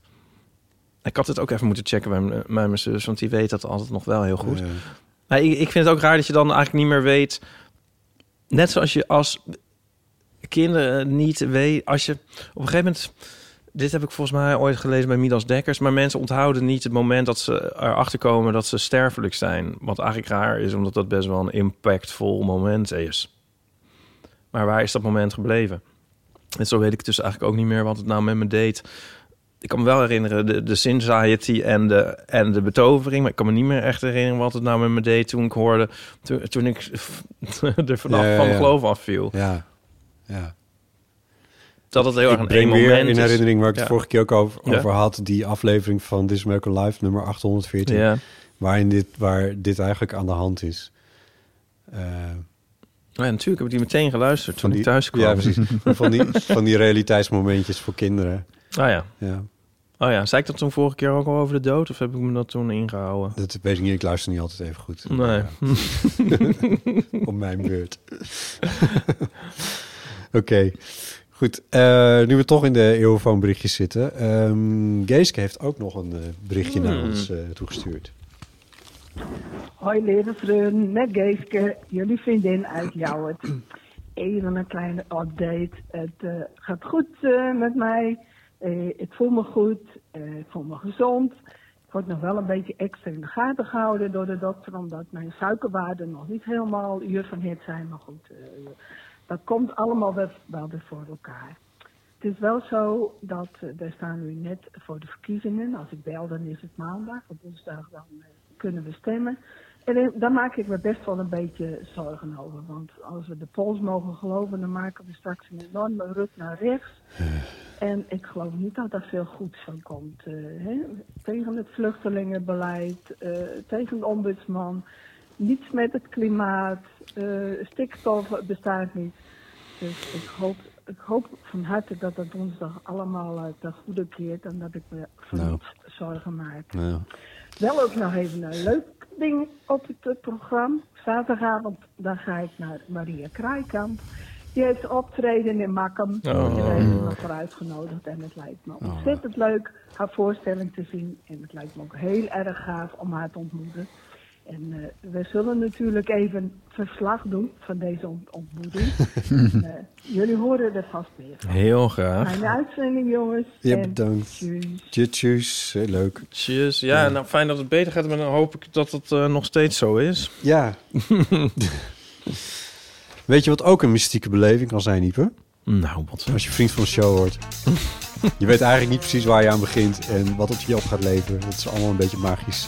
Maar je kunt Ja. eindelijk weer ergens in geloven. En je kan weer ergens in geloven. Dat is zeker zo. Mensen die dat hebben gedaan, of die in ieder geval ook een eh, vriendschap hebben zich verlengd. hebben laten betoveren. Ja, of blijvend betoverd. eh, zijn eh, Althans Babette, voor een jaar. Samantha, Laura Marlijn Wolters, Marloes, Corine, Jorien, Wenda, Onno, Karin Angelique. en Petra. Nou, heel fijn dat jullie vriend zijn of eh, vriend zijn gebleven. Ehm eh, 2,50 euro per maand. Dan krijg je de aflevering een halve dag eerder. En je hebt exclusieve toegang tot inclusieve vriendenafleveringen. Eh vriendvandeshow.nl slash eeuw kun je alles vinden. En daar wisselen vrienden ook gezellig berichten uit. Ehm, er is goed nieuws. Onze kersthit is uit. Oh. Ja. Ehm, het, is, het is begonnen. Is het begonnen? Het is begonnen. And so it begins. Ja, en zo het begint. Move over, Mariah. We hebben ehm, muzikant en dirigent Molloy Kams gevraagd om er naar te luisteren. Ja, dit klopt. Ehm, het, het idee is dat Iep en ik er ook nog een vriendenaflevering over gaan maken met alle ins en outs. Dan moeten we even kijken wanneer we dat doen, maar dat, dat komt binnenkort wel een keertje. Ehm, Een soort eh, song exploder. Song Exploder. Gaan we dan ook de demo laten horen? Ja, dat kunnen ja, we dat doen. wel doen, ja. Ja, dat is wel leuk, hè? Lijkt me wel leuk. Dan doen we, ja. Ja, want er ontstond echt wel wat demo-love bij ons. dat was wel heel Ik ben, ik ben nog wel benieuwd wat nou... ehm, kun je, kun je, ehm, jullie hebben er een aantal keer over verteld dat jullie Gay ermee as bezig Christmas waren. is de titel. Wat zeg je? Gay as Christmas is de Gay titel. as Christmas, precies. Maar ehm, dus jij hebt, wie heeft wat gedaan? Wie heeft de muziek geschreven? Wat verstaan jullie onder de muziek schrijven? Hoe het gaat- is, een, hoe is dat het is een beetje complexer dan ik het nu zeg, maar het komt erop neer dat Ipe de tekst heeft geschreven Mhm. en mij toen heeft gevraagd om daar muziek bij te maken. En toen is het mu- Logic-project nou een keer of vijf, zes heen en weer geweest, waarbij we telkens ook muzikale dingen hebben toegevoegd. En de dus- melodie die door Kenna gezongen wordt, wie, van wie is die dan uiteindelijk? De, ja, is die dat van is dus, allebei? Dan wordt het dus complex, Oké. want ehm, de melodie van het refrein is van mij, maar Ja. de melodie van, het, van de bridge en het couplet zijn van jou volgens Nou, mij. de, van, de, van het couplet zijn van mij en de bridge volgt eh, de melodie volgt de baslijn. ja, leuk. die had ik dan weer van jou. ja. Nee, precies. Ja. Nee, nee, ik bedoel, eh, Beyoncé heeft twintig songwriters achter elke Ja, nummer staan. dus jullie hebben er Ik twee. doe dat dus gewoon eigenlijk zelf. Ja. Ja, Ja, Beyoncé. Eh, maar de primeur is dus ook dat jij, jij nu echt meegeschreven hebt aan het nummer. Dat, dat is in het verleden nog niet eerder voorgekomen, toch? Nou, niet Ja, op Amazing deze- Lied heeft Botte ook de muziek van geschreven, de Ja. Oké. Maar echt een Pop Dorian nummer? Dat is nieuw. Nee, dat is nieuw. Ja, dat bedoel ik eigenlijk. Ja, Ja. van de, de Ja, nee. Ja. En stiekem, stiekem zijn we al met nog eentje Ik wou bezig. zeggen, smaakt het naar meer? Ja, het smaakt naar meer. Ja. Ja, ik vind het heel leuk. Ik had als Botte als... eh, ik had gevraagd of hij iets wilde schrijven in de soort geest... of ja, met de feel van... ehm Is it gonna be a cold, cold Christmas? Mhm. Maar ik vind het grappig dat... ehm, ik vind dat dus heel goed gelukt eigenlijk. Ik vind het leuk dat ik dat vroeg en dat, dat het dan ook echt kwam. Had ik eigenlijk niet verwacht. nee, dat had ik echt niet verwacht. Nee. Ja. Ik, ja, Bottelijk is echt is daar goed in. Want ik, maar dat tweede liedje heb ik dus ook weer een soort gevraagd van... kan je een beetje iets in deze stijl of geest? En dat vind ik ook weer gelukt. Dus dat vind ik echt wel heel eh, Ja. leuk. ja, een van de dingen die ik er leuk aan vond... is dat het dus niet alleen maar een soort van... over de top blij kerstliedje is... maar dat het in principe in een mineur toonsoort, toonsoort staat. Ja. Wat ik ook alweer heel erg bij jullie vind passen op een bepaalde manier. Ehm, maar dat het dus wel een vrolijk nummer is... maar dus niet op de soort van voor de hand liggende manier. Ja, Ja. ja leuk. Nou, het is in het demootje, toen ik het nog zong... toen klonk het nog veel droeviger. Oké. toen had ik zelf had ik het idee dat het misschien allemaal niet waar was. Hmm. Het Dat is je er niet echt de, in kon geloven. de po- tekst is heel positief, maar ook vooral doordat in, dat, in, de, in de bridge is het zo van... eh eh Ja, de is tekst ook weer. Ja. eh, ehm, eh, Hoe je wil. ja, weet je. Het is the giant snowman. Ja, het zou het zo. Wat is nou de eerste zin? We'll go shopping in the city. We'll put up a Christmas tree. Maar dat door dat hele, we gaan dit en we gaan dat. En uh, dan Ja. net alsof het eigenlijk alleen maar een soort wens, Ja. fantasie is. Maar dat was meer ook hoe ik het zing. En dan klinkt het alsof het nooit gaat gebeuren. En nu Kenneth zingt, is het meer alsof het ook wel echt aan de hand is. Nu is het iets, dus daar wel een stuk vrolijker van geworden. Ja, het is echt heel erg veranderd toen Kenneth heeft ingezongen. Hmm. Dat is wel enorm Beter verschil. geworden, Ja, er zeker. de duidelijkheid bij. Ja, ja. ja, maar het werd... eh, ja, het karakter van het nummer veranderde ook echt. Ja, dus dat was wel grappig, ja. En een B-side zag ik. Ja, dat is de kersthit van vorig jaar. Ja, toch? Ja, Ja, dat is gewoon de, de, de hit van vorig jaar, Coming Out for Christmas. ja, Ja. heel leuk. De bedoeling is natuurlijk... Sorry, jij zou iets zeggen. Nee, ja, die, dus kersthits, die, die worden veel gedraaid. Dus we kunnen er elk jaar één aan toevoegen. En dan... eh, Heb je op een gegeven moment een kerstalbum. ja, na een dat. jaar of twaalf. Ja. ja. Ja, dat je wil eigenlijk maar één, één nummer per jaar uitbrengen. Eén kersthit per Eén jaar. kersthit. Ja. Ja. Nou, het, eh, hij staat nu op Spotify. Dat is eigenlijk het belangrijkste. En daarna is het belangrijkste dat heel veel mensen ernaar gaan luisteren. Ja. En het liefst ook toevoegen aan favorieten en playlists en dat soort dingen. Ja, je hebt hier meer verstand van dan ik. Nou, als mensen hem leuk vinden, wat ons helpt, is als je hem leuk vindt, je moet hem even opzoeken op Spotify natuurlijk. Pop Dorian opzoeken en dan vind je hem wel. Ja, en je moet even Pop Dorian als artiest volgen. En je moet even een hartje geven of een plusje, wat het ook is nu op, aan ons nummer, dat je hem, dat je hem liked. Ja. Je kan hem in een playlistje zetten. Als je bijvoorbeeld een kerstplaylist hebt met je favoriete kerstliedjes, zet hem daar vooral in. Ehm, en eh, stuur hem eh, door naar Ja. vrienden en zo. En ehm, Heb ik, heb ik gedaan. Ja, En ik stuurde hem door naar eh, vriend L. En die, stuurde, die ging de hele tijd snippets van de teksten aan me sturen gedurende de dag. En die zei, oh, dit staat op repeat tot Pasen. ja leuk. Dus dat is precies goed. ja. wat lief. Ja, dat willen we horen. Ja, gaan we nu wel even een stukje laten horen, toch? Om de mensen te enthousiasmeren. Dus we moeten echt op Spotify opzoeken. Jawel, maar kun je nog even een stukje laten horen? Eh, ja. Ja? Wat, stuk, wat voor stukje laten we dan horen? Eh, het het eh, tweede couplet en het tweede refrein, zou ik zeggen. And now we're making love together. More than ten years down the line. More than ten years down the line. Against the odds, your restless soul has stuck around. And I thank God it's Christmas time.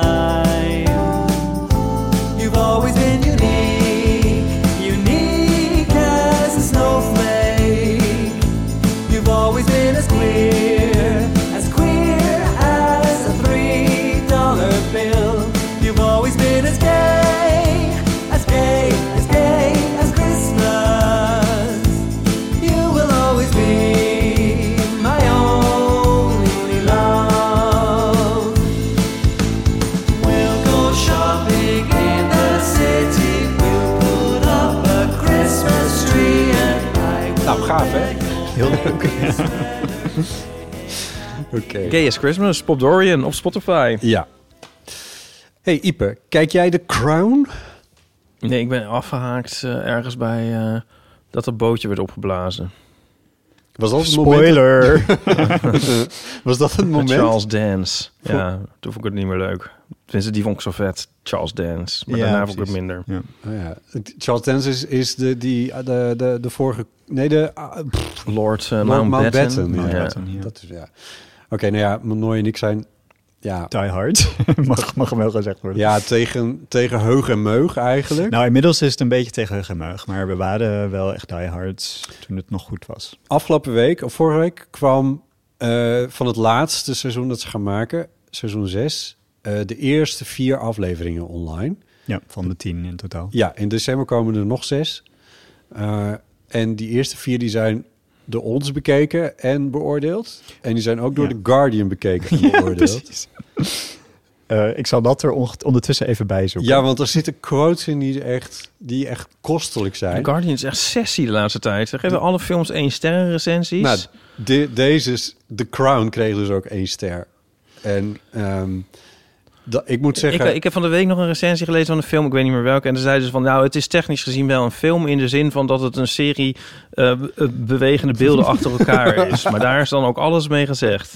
Ja, oh, het is kostelijk. Maar nooit heb je... Ja, ik heb hem. Het is dus inderdaad een eh, één ster. Eh, En de kop is. it's so bad, it's basically an out-of-body experience. Uh, it is the very definition of bad writing. Despite the brilliant cast, it's a crass soapy dive into the abyss, not least in the atrocious scenes featuring, spoiler alert, Ghost Diana. Ja. Nee. Ja. Echt? Ja, echt. Ja.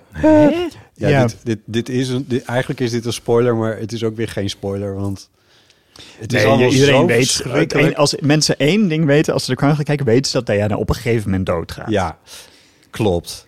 Ehm, maar er was nog iets in die... ehm, Komt Lord Mountbatten ook terug als, als geest? Wel Nee, dat zou tenminste nog wel enigszins... eh, wat, wat stond er nou nog meer? De, zij heeft het op een gegeven moment... Want over dat moment schrijft ze volgens mij ook... dat zij haar aantekeningen... Van, het moment, van die ze maakte op het moment dat ze dat zag... niet meer kon lezen. Maar dat dat eigenlijk ook maar goed was. Want het was eigenlijk... Iets wat je niet meer zou kunnen Niet zou kunnen publiceren af- in, afdrukken in een, wat ze daar toen- in een broadsheet. Ja. Zoiets Ja. was het. Ja, ik ben de quote kwijt helaas. Maar dat was wel... Dat... Nee, maar de, de consensus is wel dat het de eerste vier seizoenen toch best wel consequent eh en Claire Foy als, als koningin. En daarna ja. natuurlijk de... Ja, er was in seizoen 3 een castwissel, omdat er dan een tijdsprong is. Ja, en dat was in vijf, seizoen 5 weer eh, Olivia Colman. Olivia, denk je. Ja, en nu is er dus in, sinds vorig seizoen, seizoen 5, was er opnieuw een tijdsprong voor de laatste twee met Imelda Staunton als de queen. Ja. Maar met die castwissel is gewoon de hele stijl van de serie ook mee veranderd. Van Hmm. iets wat echt wel een historisch politiek drama was met heel veel fictie.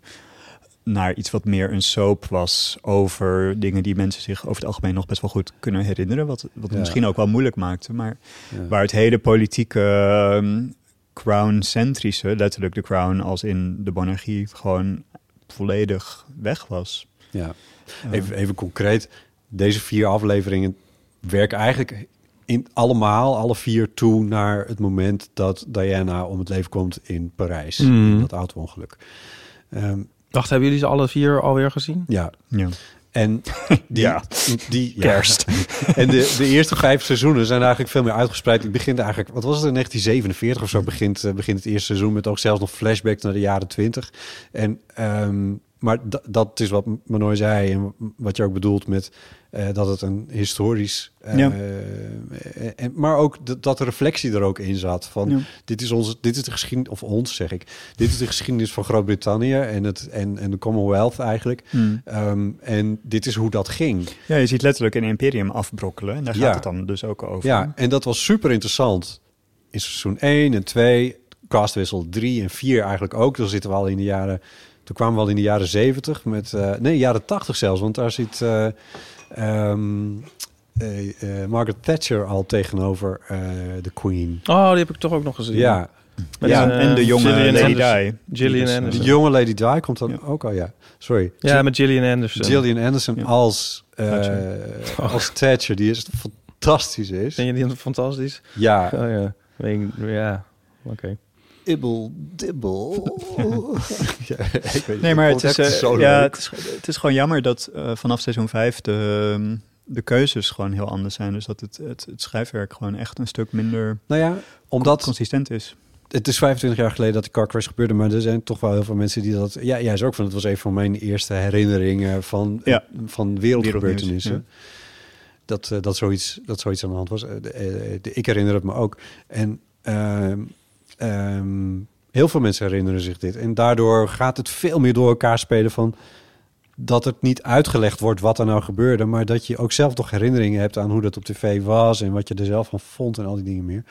En dat dat en toch vind ik dat een niet helemaal afdoende verklaring voor waarom we dit minder goed vinden dan die eerste.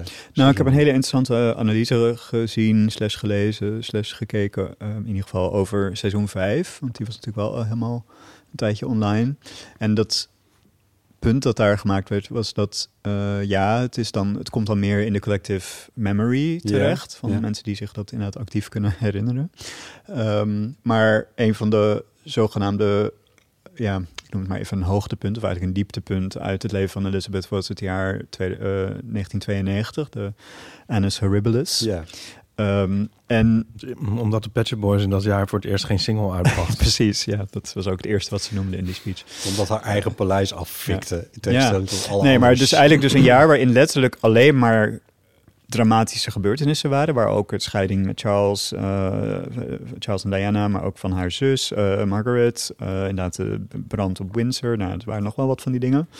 Ehm, en dat het dan eigenlijk dus niet verteld wordt vanuit het perspectief van de monarchie en de crown en hoe ze daarmee omgaan, en, maar eigenlijk meer vanuit de public en vanuit de soap rondom die huwelijken.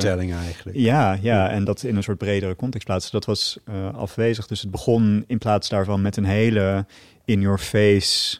Heb je het wel gehoord, metafoor over dat de koningin eigenlijk aan vervanging toe zou zijn. En dat dat eh, eigenlijk ook zou gelden voor haar royal yacht. Ja, En dat was dan zo door het hele seizoen een soort van de metafoor waar je niet omheen mocht komen. ja, voor seizoen 5. Eh, Terwijl het ook had kunnen beginnen met, zo, zo betoogde die reviewer van, eh, het had ook gewoon kunnen beginnen met de speech die ze over de Annus Horribilis maakte, die best Ja. wel impactvol was. Ja. Maar die zat dan ergens in aflevering 6 of zo. Ja. Terwijl het hele seizoen had in het teken daarvan kunnen staan. Dat je een heel ander seizoen gehad.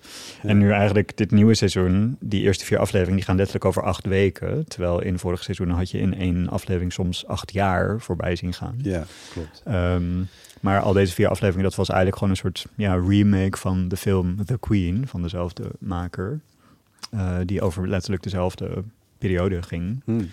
Eh, en eigenlijk had hij daar misschien wel een betere eindel, want daar ging het veel meer over van, oké, hoe gaat het Koningshuis hiermee om en wat moet de reactie zijn? En het ging veel meer over die politieke. Of zij wel veel... eh, Ja, want zij was veel te zogenaamd, veel te, zij werd veel te aloof en afstandelijk gevonden en te weinig in touch met de, de rouw eh, van het Britse volk. ja. Maar die film ging eigenlijk veel meer over de, ehm, ja, de, de, de keuzes die daar aan dat eh, punt gemaakt werden. En dit was inderdaad toch een, toch een romance eh, met een tragic end en een funeral. Ja, Heb je die wel eens gezien? Dat is misschien ook wel leuk. Met Helen Mirren is dan Ja. de Queen. Ja. ja. dat is nog wel een aanrader. Ik vraag me even af of ik die heb gezien. Misschien wel toch wel niet. Ik vind dat... Ik, ik zat in dit, deze vier, nieuwe vier afleveringen wel... de hele tijd bij de Queen te denken van... toen nou mens. maar niet... Ja, maar dat niet- gevoel heb je nog sterker als Ja, je de maar film kijkt. Precies, niet genoeg. Ja. Dat ik ook dacht van... Maar ja, dus die Eigenlijk maker komen heeft we misschien op- gedacht van dat heb ik al een keer op die manier gedaan. Dan moet guess, iets anders. maar hij heeft dus dan Ja. blijkbaar... eh, Maar eh, afgezien van de... Ik bedoel, hoe vaak is het niet dat een serie eh, na zoveel seizoenen helemaal de afgrond inglijdt? Dat is natuurlijk Ja, meer regel dan dat is uitzondering. abs absoluut de Ja, regel. maar omdat dit in de... Ja. Het kan ons wat schelen, dat is het denk Jawel, ik. maar Want het was, het was zo goed, die eerste seizoen. Het was Ja. de, de Mhm. casting, je was het laatste seizoen van Dexter gekeken. Ja, dat is ook niet te doen. echt- Daar hebben we het Ja. ook niet meer over inderdaad. Maar dit, en dit is ook wel... Dit, dit is de serie van Netflix, toch? Ja, ja qua productiewaarde. En, Ja, eh, jij kijkt het dan niet, Ipe, maar... Nou, dit was het even, maar ik bedoel, dat was het wel alweer, ook wel weer voorbij, toch? hmm. Nou ja, Nu dat- is het een soort ramptoerisme geworden. Mensen zijn nog even benieuwd. hoe Nu wel, ja, maken. want eigenlijk Ja. seizoen 5 was een grote deceptie. Ja. ja. Maar ja, nou ja, het gebeurt. het- Vaak gaat iets te lang door. Ja, maar ja, ik snap wel dat je hem hier af moet maken. En het is ook wel een beetje verwonderlijk, maar Ja, ik, ik noem mij een serie. Ik bedoel, ja, behalve Breaking Bad natuurlijk. Noem een serie die eh, tot het einde goed blijft. Nee, dat, dat is waar. Alleen het ding is... Dit is natuurlijk gefiction, fi- gefictionaliseerde eh, documentaire eigenlijk. Waarbij er dus al een eindpunt zou kunnen zijn vastgesteld aan het begin. Ook al wisten wij dat dan niet, wat Hmm. dat zou zijn. Maar ze hadden ervoor kunnen kiezen om 1997, nou laten we zeggen 98, tot eindpunt te verklaren. Dat gebeurt kennelijk niet, want we krijgen nog zes afleveringen. Hoewel dat in theorie, zoals met het tempo waar ze het afgelopen ze we aflevering in maakten, nog november. steeds ja, dat we door dat we eindigen in november. Maar ehm, ik, dat bedoel ik met van je, je, je wist waar dit naartoe ging. Ja, En ja. Waarom is dat dan niet al op hoofdlijnen die de schets gemaakt van dit moet een dramatische lijn Ja. zijn geweest? Want dat hebben we in het begin zat dat. Maar dat is ook een ding van nu, van dat, dat dan films opeens in tweeën worden gesplitst. En dan van, oh, nog één Harry Potter film. Oh, we doen er twee. Ehm, Weet je wel. En ehm, Klopt, ja, want het zouden aanvankelijk maar vijf seizoenen zijn. Toen hebben ze er toch zes van gemaakt. Ja, Dus het dat uit is te wel- melken. het is gewoon uitmelken. Ja. En dat is natuurlijk ook nooit goed. Wat zei jij maar nooit? Is, het zou er vijf Het zijn? zouden er oorspronkelijk vijf zijn. ja. Oh, dat wist ik niet eens. Ja. Ah. Mission Impossible, weet ik veel. Het is een helemaal trend om alles in vredesnaam maar weer uit te smeren... en nog meer geld uit ons te slaan als waren we piñata's met Ja, geld. speaking of which, word vriend van de show. En deze aflevering Voor- ook in twee. zeg ik in We hebben het ook aflevering één keer- 306. We hebben het ook één keer gedaan met Deel. Maar ik, vind, eh, ik ga nog een leuk grapje maken. Ik vind die laatste vier seizoenen van eh, het journaal vind ik ook eh, heel slecht. Ja, Ja. same. Ja, nee, het is natuurlijk het is ook frustrerend, vooral omdat het gewoon heerlijk escapisme was. Want als je dan een koningshuis hebt, maak je dan tenminste goede televisie over. ja. Verder mogen ze de flikkerspul natuurlijk gewoon lekker afschaffen. Maar dat, zover, zoveel was al duidelijk. Ja.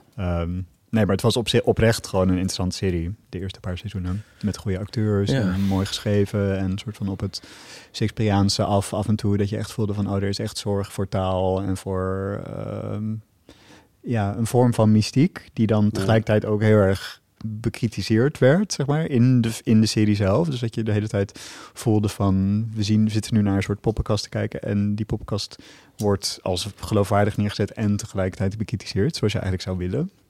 Maar dat hebben ze in ieder geval niet, ehm, niet vol kunnen houden. Dus eh, Nee. Ik we, in- need to, we need to find the next big thing. ja. Zal ik... eh, Mag ik één ding hierover oh, zeggen? kom, kom zo bij je. In het, in het verlengde hiervan las ik een stuk ook bij The Guardian over het eh, boek van Harry. Dat verscheen. Wanneer was dat? Ook dit jaar. Ehm, die eh, autobiografie. Spare. Spare, ja. Door een ghostwriter geschreven. Eh, je zei nu net Shakespeare. Eh, in dat boek wordt heel, worden heel vaak een soort van Hamlet-achtige vergelijkingen Oh ja. gemaakt natuurlijk. Ja, dat kun je natuurlijk. Spare is ook zo'n, nou ja, bladibla. Maar een van de dingen die de recensent erin had geschreven was... wat echt opvallend is, is dat Harry elke keer weer laat merken... dat hij niks met boeken en lezen heeft. Mm. Dus het is zo raar dat je dan midden in zo'n die voortdurende Shakespearean vergelijkingen zit de hele tijd. Maar dat hij daar zelf dus niets mee heeft. Dat hij Want dat heb jij die gelezen of heb je er alleen maar over gelezen? Ik heb er alleen over gelezen. Ja, ik heb het ook Nee. niet gelezen. Nee. Ik had er geen Dat eh, interesseert het me net Is het nou in Nederland goed verkocht? Ik, ik zit eigenlijk elke keer te wachten totdat een keer in een boekenkastje staat. Goed punt. Dan zou ik het wel meenemen. Ik ga er Ja. niet... eh, Ik er niet zelf geld aan Nee. uitgeven. Ja, ik heb hem eigenlijk ook niet heel veel gezien, voor mijn gevoel. In de... Nee, Alles wat ik toen over dat boek heb gelezen in de voorpubliciteit ging, was, vond ik heel erg een soort lichamelijk. Ja, er werd ook één, Ja. één passage de hele tijd uitgelegd die Ja. letterlijk over zijn piemel ging. Ja, maar dat was toch, er maar was. alle passages gingen over zijn piemel, had ik het klopt, idee. ja, daar schrijft die recensent ook over. Dat, en, de, de- en de benaming voor die hij eraan gaf. Ja, in het Engels heb je daar ook eh, allemaal fijne woorden voor Ja, natuurlijk. Ja. ik ben hem nu kwijt helaas. Todje? Dat is hem. Ja, I know. I know, I remembered. Heel erg Nou ja, goed, die was al een keer bevroren tijdens een of andere poolexpeditie of zo. Ja, zoiets. Ja. nou, het is toch, toch nog maar blijven zoeken in al die kastjes. op, dus ja, dat houdt toch ook niet, niet langer dan een jaar binnen. Zeg maar, dat heb je dan toch gelezen en dan ga je toch een keer weer opruimen en denk je van, nou, dat ga ik niet nog een keer lezen, geloof Ja. ik. Nou, mensen, mocht je nog in de kast hebben staan, stuur hem aan ons op. Nee, ik dacht ook nog even op gratiete wijze de, het laatste en eerste onderwerp aan elkaar verbinden. Ja, ga je gang. En dan vraag ik, het is niet de bedoeling dat jullie antwoorden. Zijn jullie niet blij dat we in Nederland geen gekozen staatshoofd hebben? Oh. Nou, heb je even. Tot volgende week in de nieuwe eeuw. Oké, goed, goed, goed, goed. Alright, tot zover. Ehm, Oh, ik doe nog een mini-oproep dat eh, Yes. mensen even op mijn Instagram moeten kijken. Belangrijk. sowieso. Mensen. Eh, maar ik ben op. dus woningzoekend in deze markt die eh from hell is. Ja.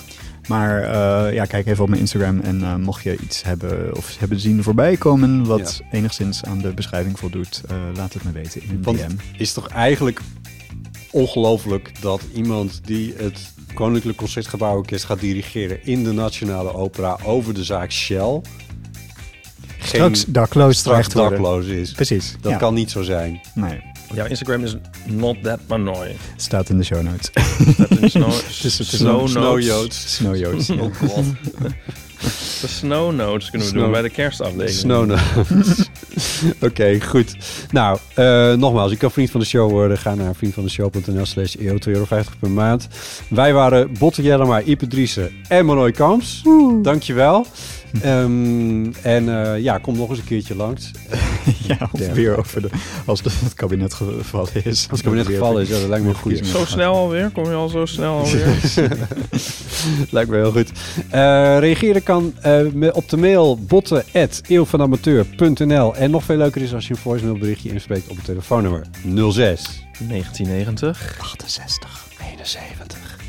Oké, goed. Dan wens ik jullie een heel fijne Sinterklaas natuurlijk. Zover is het nog helemaal niet, toch? Wat zo? Nee, dat is nog nee, een dat is nog aflevering. niet volgende week. Nee, dat, dat duurt nog een week. Nee, Goed. dus luister eer maar, eerst maar lekker naar GS Christmas. Gay as Christmas.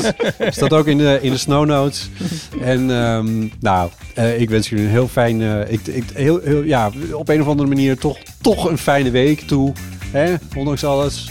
En, eh, en dank voor het luisteren. Dag. Tjus.